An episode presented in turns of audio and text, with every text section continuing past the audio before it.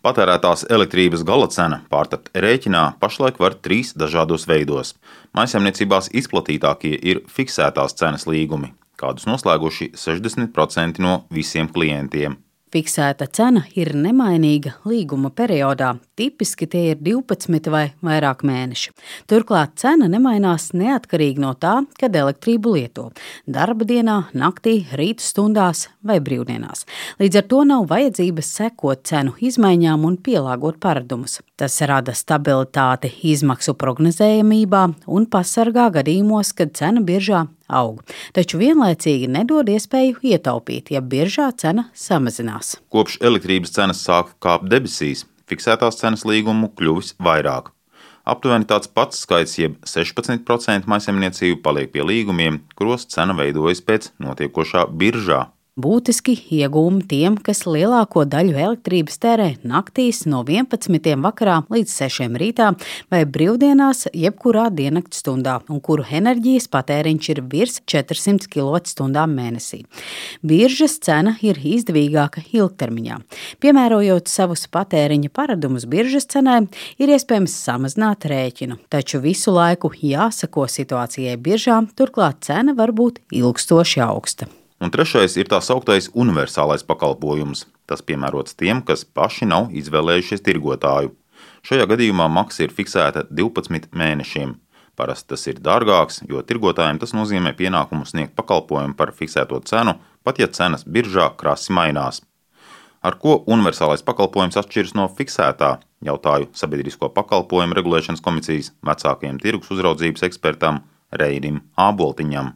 Tā būtiskākā atšķirība ir tā, ka universālo pakalpojumu ir jāpiedāvā visiem, un universālajā pakalpojumā iekļautā vai norādītā cena ir fiksēta uz gadu, un tā ir aizsargāta. To nedrīkst mainīt tirgotājs gada laikā. Turklāt patērētājiem nedrīkst piemērot sodu, ja viņš no universālā pakalpojuma atsakās.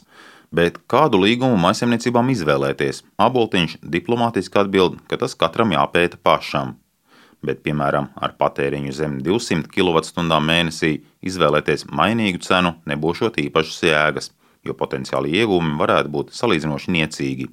Līdz būtiskajam cenu kāpumam daudz izvēlējās maksāt pēc biržas cenas, taču Nu, jau faktiski septiņu mēnešu laikā elektroenerģijas vidējā cena biržā sākumā mazliet mainījās arī uz leju pavasarī, tad pēc tam vasarā aizies tik ļoti būtiski uz augšu atkal kāps šī vidējā cena, tas nozīmē, ka lietotāji acīm redzot ir vairāk tomēr kļuvuši piesardzīgāki vai arī neredz iespēju mainīt savus patēriņu paradumus pietiekami, lai kaut kādā veidā ietekmētu, būtiski ietekmētu rēķinu galas summu.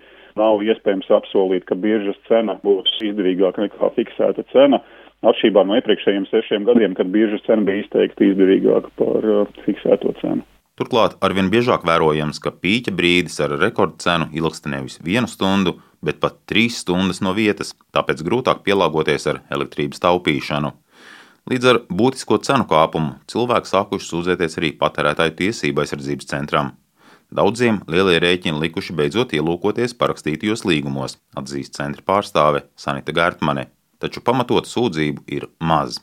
Piemēram, ja noslēgts līgums ar fiksēto cenu, bet cena tomēr tiek paaugstināta. Tāpat, ja netiek piemērot šīs atlaides, kas pienākas aizsargātā lietotāja status īpašniekiem, Tāpat, ja pieprasa kaut kādu līgumu sodu par līgumu izbeigšanu, cik tas ir likumīgi vai tas ir likumīgi, par tām pašām biežas cenām vai ir pareizi aprēķināts.